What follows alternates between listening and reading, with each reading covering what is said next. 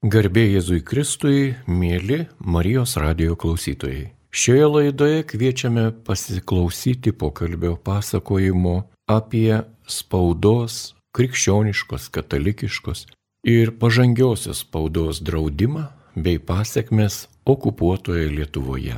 Kai kalbame apie pasiekmes, tai turime omenyje šiandieninę, dabartinę Lietuvą. Taigi apie spaudos draudimą, apie gyvą Lietuvos istoriją. Šiandien radio studijoje jums liūdis ir pasakos ateitininkas sendraugis Petras Plumpa. Jį kalbina taip pat ateitininkas sendraugis Liutauras Serapinas. Garbė Kristui. Per amžius. Ačiū Jums, gerbiamas Petrai, kad atvykote. Radio klausytojams aš nepristačiau visų jūsų regalijų, kokias jūs turite per gyvenimą sukaupęs. Esate ir Vyčio kryžiaus antrojo laipsnio kavalierius, riteris, esate ateitininkas, esate Lietuvos katalikų bažnyčios mokytojas ir spaudos darbuotojas, ypatingai tos spaudos, kuri buvo leidžiama pogrindžio sąlygomis, jūs ją vadinote savo tam tikrų terminų, tai yra savilaida. Taigi gerbiamas Petrai, pogrindžio spauda, ar verta apie ją šiandien vėl žmonėm pasakoti ir kalbėti? Nežinau, labai senas laikas, jau praėjo keli dešimtmečiai nuo to meto. Tuo metu spauda buvo labai svarbi informacijos perdavimo ir gavimo priemonė. Ir ypatingai krikščioniškos informacijos, tai yra žinių, kadangi ateistinė valstybė draudė spaudą krikščionišką, ar bent labai jau varžė, ypatingai jaunimo, vaikų ugdymą. Todėl nelegali spauda krikščioniška buvo savilaidinė, taip vadinama, buvo labai svarbi priemonė krikščioniško augdymo, samoningumo. Dabar tokio varžymo jau nebėra ir todėl galima krikščionišką mintį, idėjas įvairiausias perduoti įvairiais kanalais, tame tarpe vizualiniais, per televiziją, internetą, radiją, ko anais laikais nebuvo ir negalėjo būti. Tai šiuo metu mums gali pasirodyti ta primityvi, paprasta pogrindžio spauda nelabai įdomi ir šiuo metu neaktuali, kadangi dabar praėjus tiek laiko krikščioniškas samoningumas neipatingai sustiprėjo. Tai iškyla klausimas, kad galbūt reikalingos kitokios priemonės, kitokie būdai ir keliai prieiti prie žmonių sąmonės, prie jų sielų, prie jų širdžių. Tai dabar šiuo metu toji spauda, kuri buvo prieš 50 metų, jau ji dabar nebėra taip aktuali, tačiau aktualus yra žmonių noras, bet kokiom sunkiom sąlygom surasti plyšius, ertmes, pro kurias prasiskleistų į žmonių visuomenę, į žmonių sąmonę krikščioniškoji evangelinė mintis. Tai tas pavyzdys - ieškoti ir surasti būdus, kaip prieiti prie žmonių sielų ir sąžinių yra aktuali. Gerbiamas Petrai, jūs minite Lietuvoje leistą spaudą, kuri tuo metu katalikams ir ne vien katalikams e, krikščionims, bet ir kitiems krikščionims tuo metu buvo na, tam tikras toks bendravimo, susikalbėjimo ir informacijos gavimo laidas. Dabar informaciją mes gauname įvairiais būdais, ne vien per spaudą, ne vien per spausdintą žodį, ne vien per knygą, žurnalą, laikraštį ar ką kitą. Gauname ir internetu, gauname ir televizijoje, ir Marijos radijas transliuoja, ir mažoji studija transliuoja krikščioniškas labai gražias laidas, ir mūsų broliai protestantai krikščionys turi įsigiję radijos stočių, kuriuose daro kartu ir tokį kaip ir pasaulietišką turinį, bet ir prideda kažką iš Evangelijos ir taip toliau. Ir nesvetima krikščioniškai dvasiai tai yra savo turiniu. Kodėl tuo metu jūs aukojote savo gyvenimą, aukojote savo laisvę? Rizikavote pakliūti į specialių saugumo institucijų akiratį, susigadinti savo reputaciją, susigadinti savo ateities perspektyvą tiek darbe, tiek įsilavinime, tiek gyvenime bendrai, bendraja to žodžio prasme. Kodėl jūs tuo metu taip karštai degėte noru tą spaudą daryti, atlikti, spausdinti, platinti, perspausdinti ir taip toliau?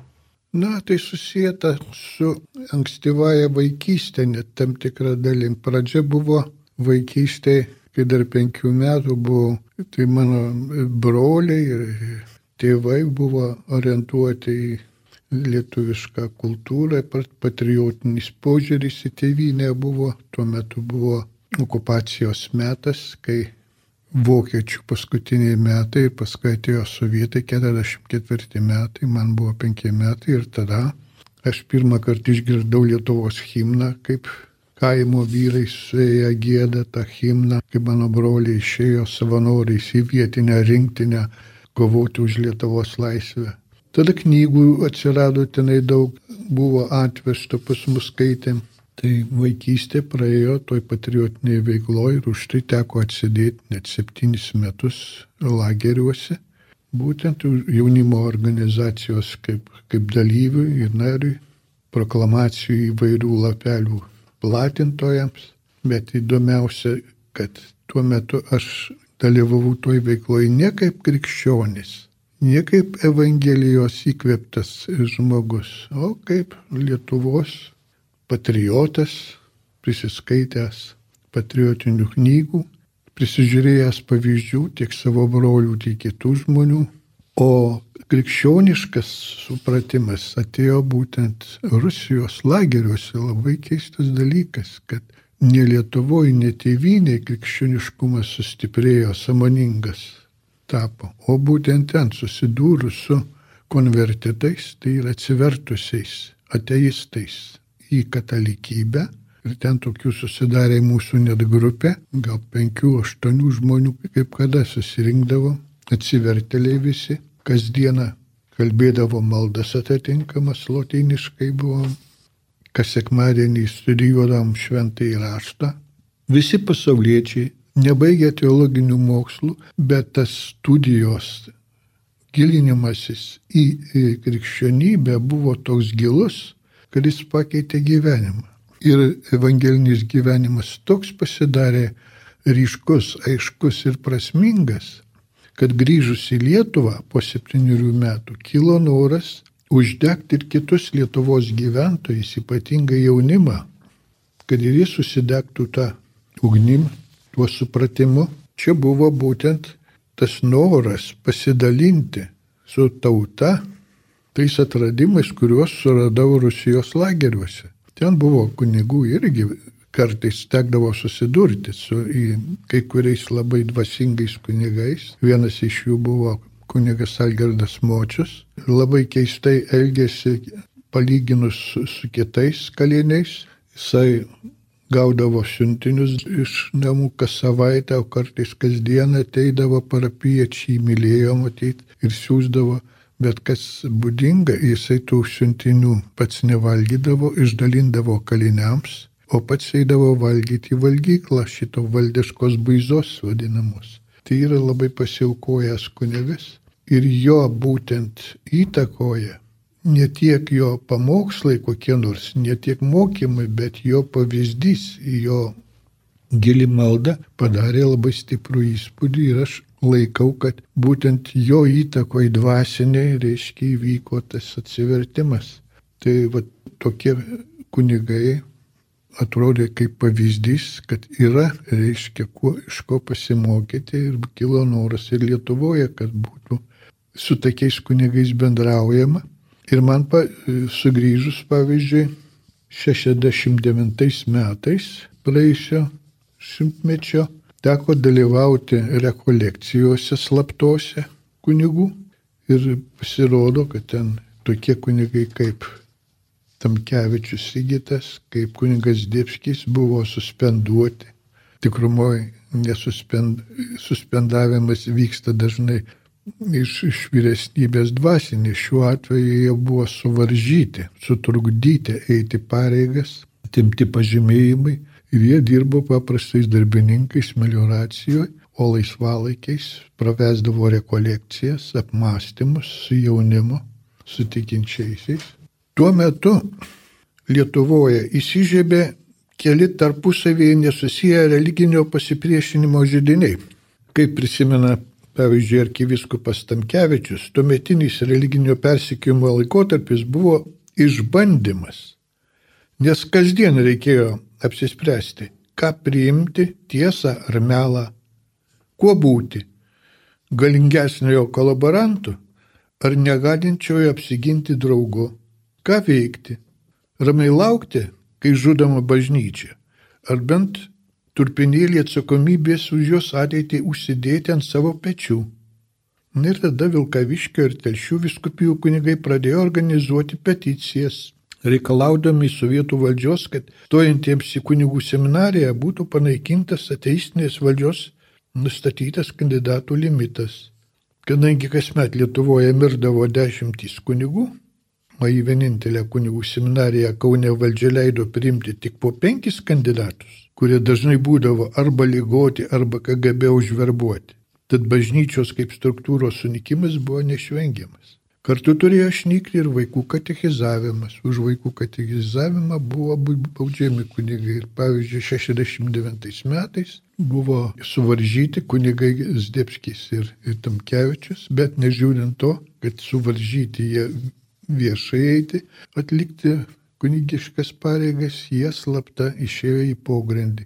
Ir pasauliečiam. Ir tuo metu aš irgi išėjau į nelegalią pogrindinę veiklą ir užsiminėjau tik tai krikščioniškos religinės spaudos dauginimu.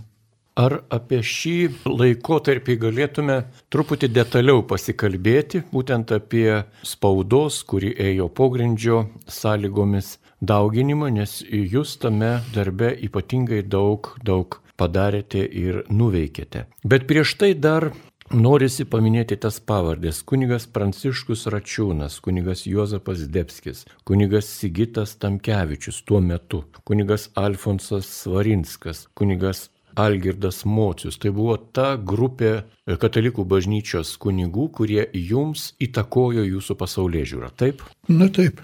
Ir dabar, žinoma, jūs jau minėjote apie tai, kad šių kunigų auklėjimo ar mokymo, formalaus ar neformalaus, čia neturi reikšmės, pasiekoje jūs pasiryžote aukotis bažnyčiai ir padėti leisti pogrindyje spausdinius ir maldaknygės, ir knygelės, ir ką kita. Jeigu kalbėti apie Lietuvos katalikų bažnyčios kronikos leidinį, kiek numerių jums teko išleisti, perspausdinti ir padauginti?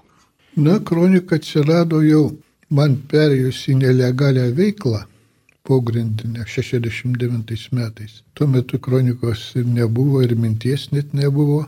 Reiškia, kronika atsirado tik po trejų metų. Tai gana negreit, o prieš tai teko leisti kitus leidinius.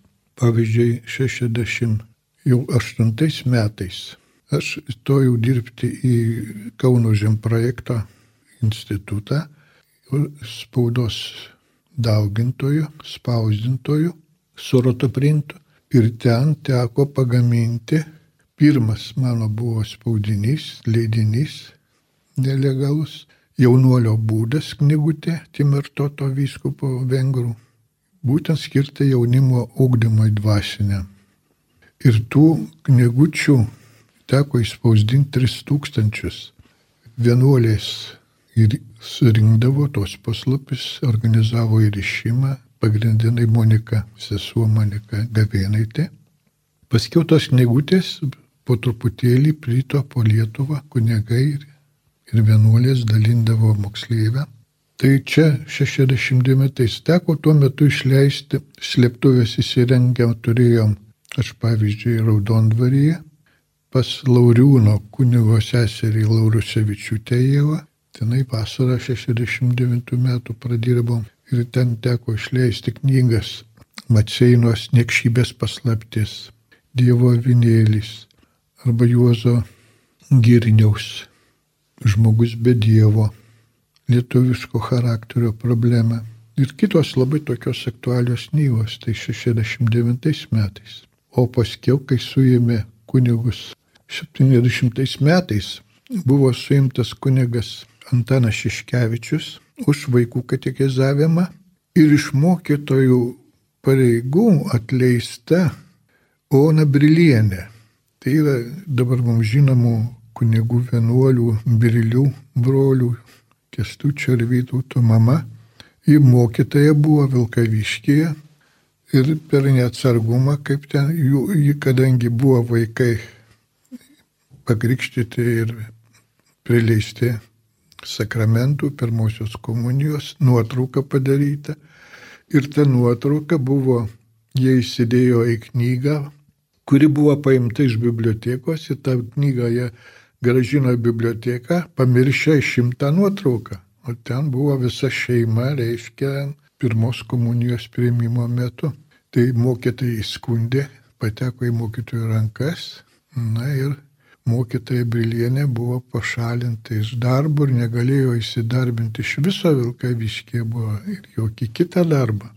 Tai šitą medžiagą reikėjo paskelbti kažkur, o leidinio neturėjom. Bet tuo metu Maskvoje, Rusijoje ėjo, reiškia, dabarties įvykių kronika. Kronika Tekušik Sabytai. Rusiškas nelegalus leidinys, kurį redagavo Sergejus Kavaliovas ir kiti. Ir aš ten turėjau Maskvoje pažįstamų dar iš lagerio laikų, iš pirmo teistumo. Tielnikovą, ten Krivušėjiną. Ir aš tą medžiagą apie Onos Brilinės persekiojimą, taip pat kunigo Šeškevičiaus nuteisimą, nuvežiau į Maskvą būtent tam leidiniui. Ir paskiau ir kitus tekstus tekdavo vežti, na, pas juos ir įteikti ten, jie patys išversdavo, reiškia, ir į kitas kalbas, arba jie spausdindavo toje kronikoje. Ir tada kilo mintis, kad mes patys galim čia Lietuvoje išleisti panašų leidinį, kroniką ir kunigas Tamkevičius vieną dieną man pasiūlo būtent tokią kroniką redaguoti, pateikė medžiagą, tai aš pirmą numerį kalbinį tokią redakciją atlikau, gražinau ir taip 72 metais, kovo mėnesį išėjo pirmasis kronikos numeris. Atspausdinau aš jį visą šimtą egzempliorių Kauno slėptuvėje, Rota Printa turėjom savos gamybos, Kalniečių gatvė 113, antram aukšte ir ten teko pagaminti šešis numerius po šimtą egzempliorių juos išda, išdalino tai seserys vienuolės, tai kai kurie kunigai. Tuos numerius daugindavo žmonės jau savo iniciatyvą su mašinėlėmis ar kitomis kopijavimo priemonėmis ir bandė perduoti į užsienį. Vėliau kunigui Tamkevičiui pavyko nufotografavus juostas foto perduoti jau reguliariai per Maskvos žurnalistus į, į užsienį. 71 metais mes dar susipažinome Gliaukoje pas kuniga Svarinską su Kavaliovu, kuris buvo atvažiavęs į Lietuvą. Ir mes ten susitikome Gliaukoje ir aptarėm, kokios galimybės, reiškia, ne tik informaciją perduoti, bet ir Lietuvoje leisti kroniką ir tos kronikos medžiagą persiųsti užsienį, būtent per Maskvos disidentus, per Maskvoje akredituotus žurnalistus užsienio. Ir taip pradėjo ta lietuviškoji kronika patekti į spaudą užsienyje, o ten kunigas Pugevičius ir kiti jau pradėjo versti kitas kalbas ir transliuoti per Vatikano radiją tas, tuos tekstus. Malonus Marijos radio klausytojai, jūs girdite laidą apie spaudos draudimo laikotarpį bei pogrindinę spaudą sovietinės imperijos metu, kai Lietuva buvo okupuota bolševikų ir čia Lietuvoje, žinoma, jokio krikščioniško kultūrinio gyvenimo viešo būti net negalėjo.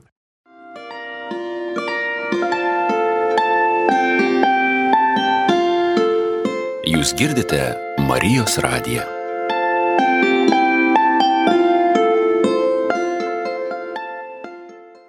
Apie leidimą pogrindžio sąlygomis spaudą katalikų bažnyčiai tikintiesiems pasakoja tos spaudos tuo metu darbuotojas, pogrindžio sąlygomis darbuotojas, ateitininkas sendraugis Petras Plumpa. Įkalbina Liutauras Serapinas. Taigi, tęsiant laidą, Jūs paminėjote, kaip netgi pačios kronikos pačią pradžią, kaip atsirado pirmieji poreikiai tai nuostabiai katalikų bažnyčios kronikos didžiuliai epopėjai. Tai spausdintas žodis, kuris plito Lietuvoje stipriau ir galingiau negu dabartinis COVID virusas. Ir buvo dar labiau mirtingai, nuodingas tiems, kurie ėjo prieš Dievą, kurie turėjo planų sunaikinti Dievo vardo net ištarimą mūsų tėvinėje Lietuvoje ir žinoma visame pasaulyje.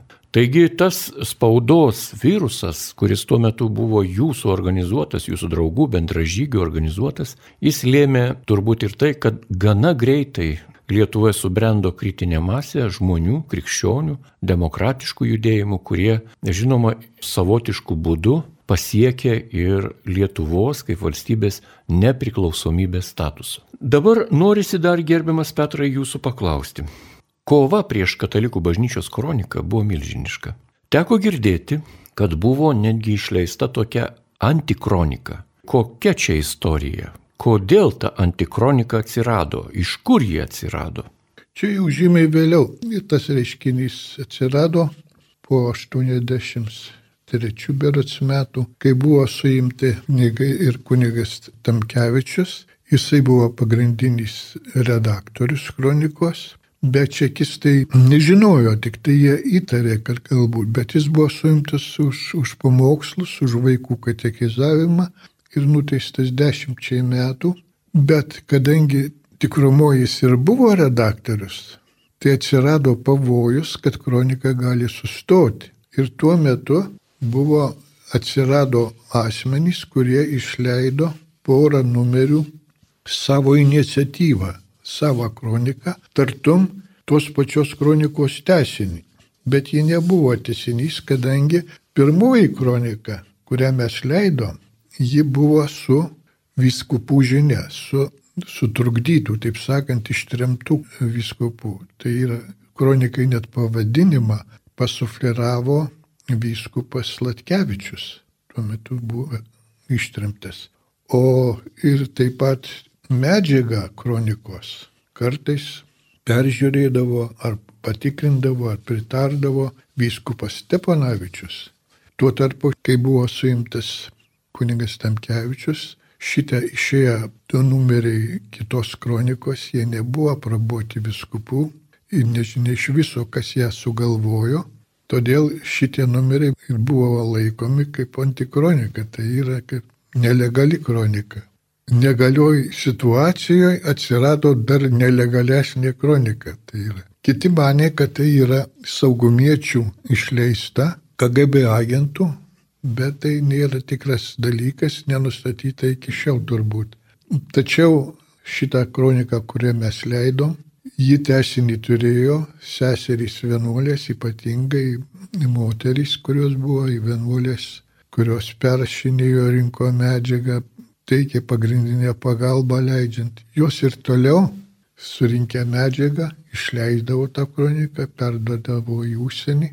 Žodžiu, ta kronika ėjo ir toliau ir iki 81 numeris išėjo kronikos net iki 89 metų. Tęsime laidą ir kalbame apie spaudos draudimą, krikščionišką spaudos draudimą okupuotoje Lietuvoje. Šiandien laidoje dalyvauja disidentas, kovotojas už tikinčiųjų teisės ir kalėjas sovietų lageriuose Petras Plumpa. Jį kalbino Liutauras Serapinas. Kronika, žinoma, į Lietuvą atnešė labai tokį, na, naują, visiškai naują dvasinį dvelgsmą, naują vėją. Šiandien, gerbiamas Petrai, kai kalbame apie kroniką, jau visa tai yra istorijos dalis. O kai nebėra to aktualumo, to vadinamo akivaizdos, realybės akivaizdos aktualumo, atsiranda visokių svarstymų. Vienas iš tokių svarstymų yra tai, kai kroniką leidė kunigai, suskaldė katalikų bažnyčią.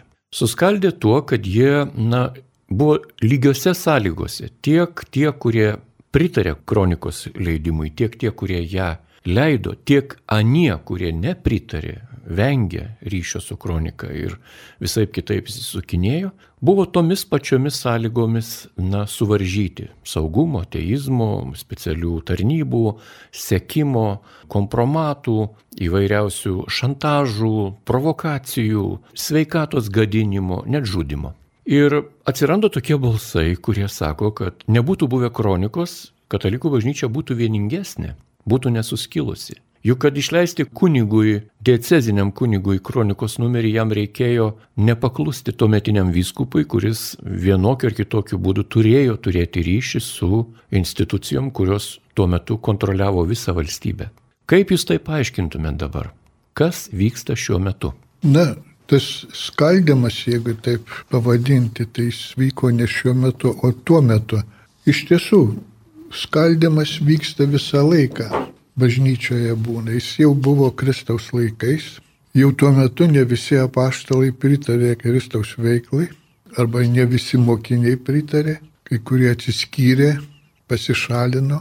Tai tas pats vyksta ir per visus amžius. Ir, ir vyko šizmos ir 11 amžiui 1054 metais suskilo į dvi dalis. 16 amžiui protestantizmas kaip protestas prieš Romos bažnyčią. Ir dar vėliau, vėlesniais laikais, lefevristų judėjimas, senkatalikybė.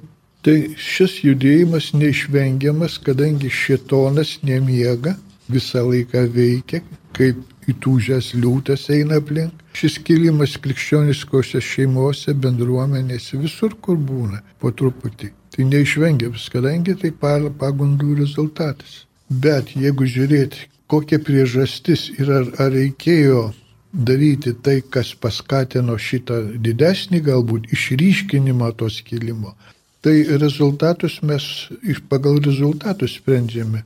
Reikia pasakyti, kad toji kronika, kuri tuo metu Lietuvoje nebuvo jokio kito pogrindinio leidinio, mes žinom, kad partizanų laikais, dar iki 54 metų, dar buvo, reiškia, partizaninė spauda, paskui atsirado dar leidinėliai, proklamacijos ten kultūrininkų, o tuo metu, kai ėjo kronika 69, 70, 71, 2 metais atsirado kai kurie jau knygos katalikiškos savilaidos. Tai kronika 72, 3, 4 metais.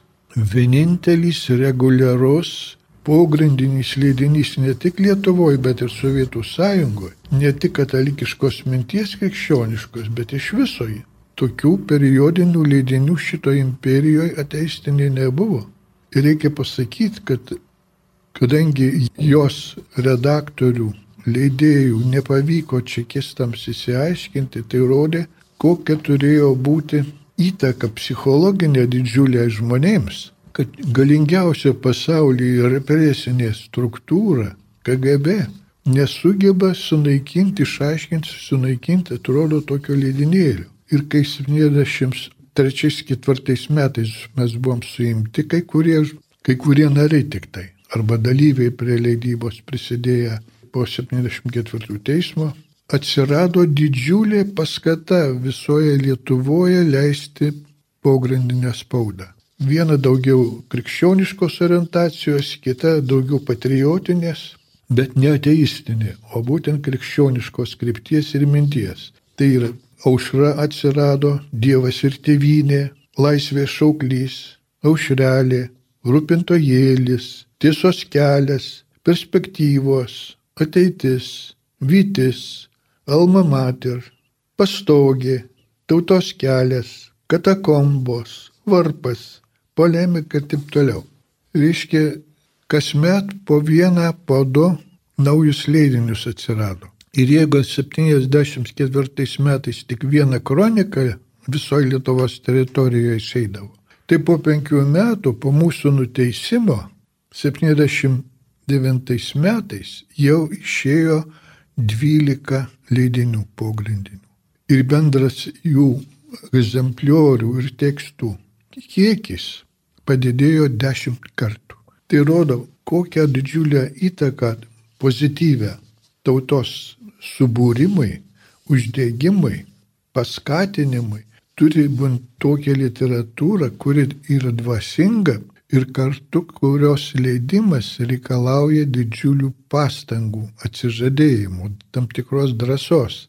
Tai yra, litera, neužtenka, kad būtų literatūra turėtų grinai ideologinį krūvį, bet kad jos leidimas kartu būtų susijęs su žmonių tam tikru atsidavimu ir pasiaukojimu. Tai čia galioja visiems Evangelijos kelbėjams. Neužtenka tik tai vieną raštą parašyti ir paskelbti, kaip laikraštį išplatinti. Jis reikalingas nešti, galima sakyti, iš rankų į rankas. Nenuvežti kažkur sunkmežimiu ir išpilti aikštėje proklamacijų kiekį. O nuvažiavus, reiškia, į tam tikrą vietą, išdalinti į rankas žmonėms kaip kokią brangę dovaną. Tai manyčiau šiuo atveju kronika kaip pavyzdys atgimimui Lietuvos ir tautiniam visapusiškam turėjo nemažą įtaką. Ir jeigu jis ką nors skaldė, tai skaldė tuos, atskyrė tuos, kuriuos ir reikėjo atskirti.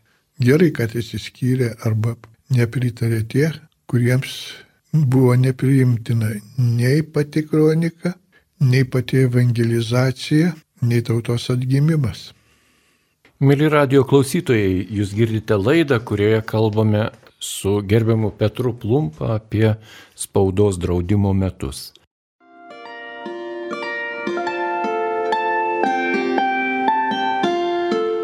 Jūs girdite Marijos radiją.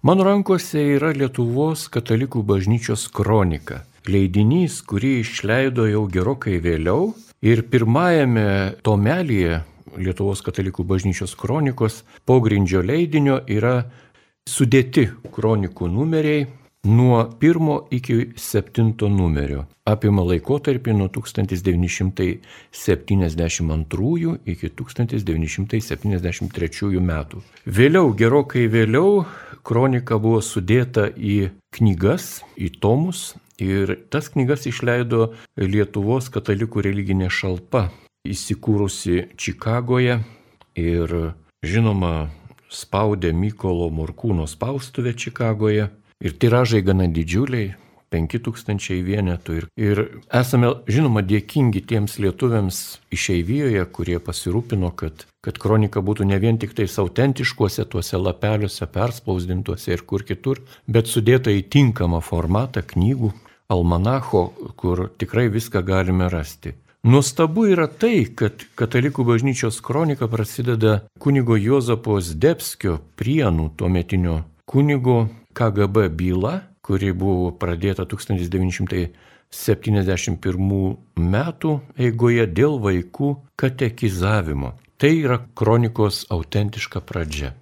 Kronikos pabaiga yra išleista jau Almanacho dešimtajame numeryje, jis jau yra gražus, išleistas blizgančiais viršeliais.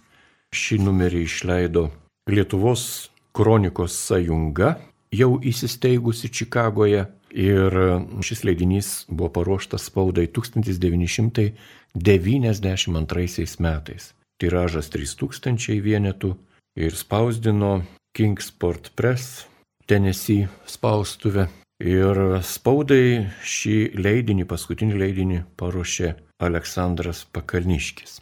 Ir nuostabi istorija yra kronikos leidyba, asmenys tuo metu dirbė, redaktorius pats yra nuostabus, jo talkininkai, seselės, kurios platino, bet dar nuostabesni yra žmonės, kurie skaitė šią kroniką, kurie gyveno pagal ją. Ir šioje laidoje išgirdote ir pasakojimą ir apie taip vadinamą antikroniką, kai gero norėdami žmonės apsaugoti kunigas Įgytą Tamkevičių lageryje, jie toliau leido kroniką, imituodami, kad tai tęsiasi ir redaktorius yra nepagautas ir ką kita.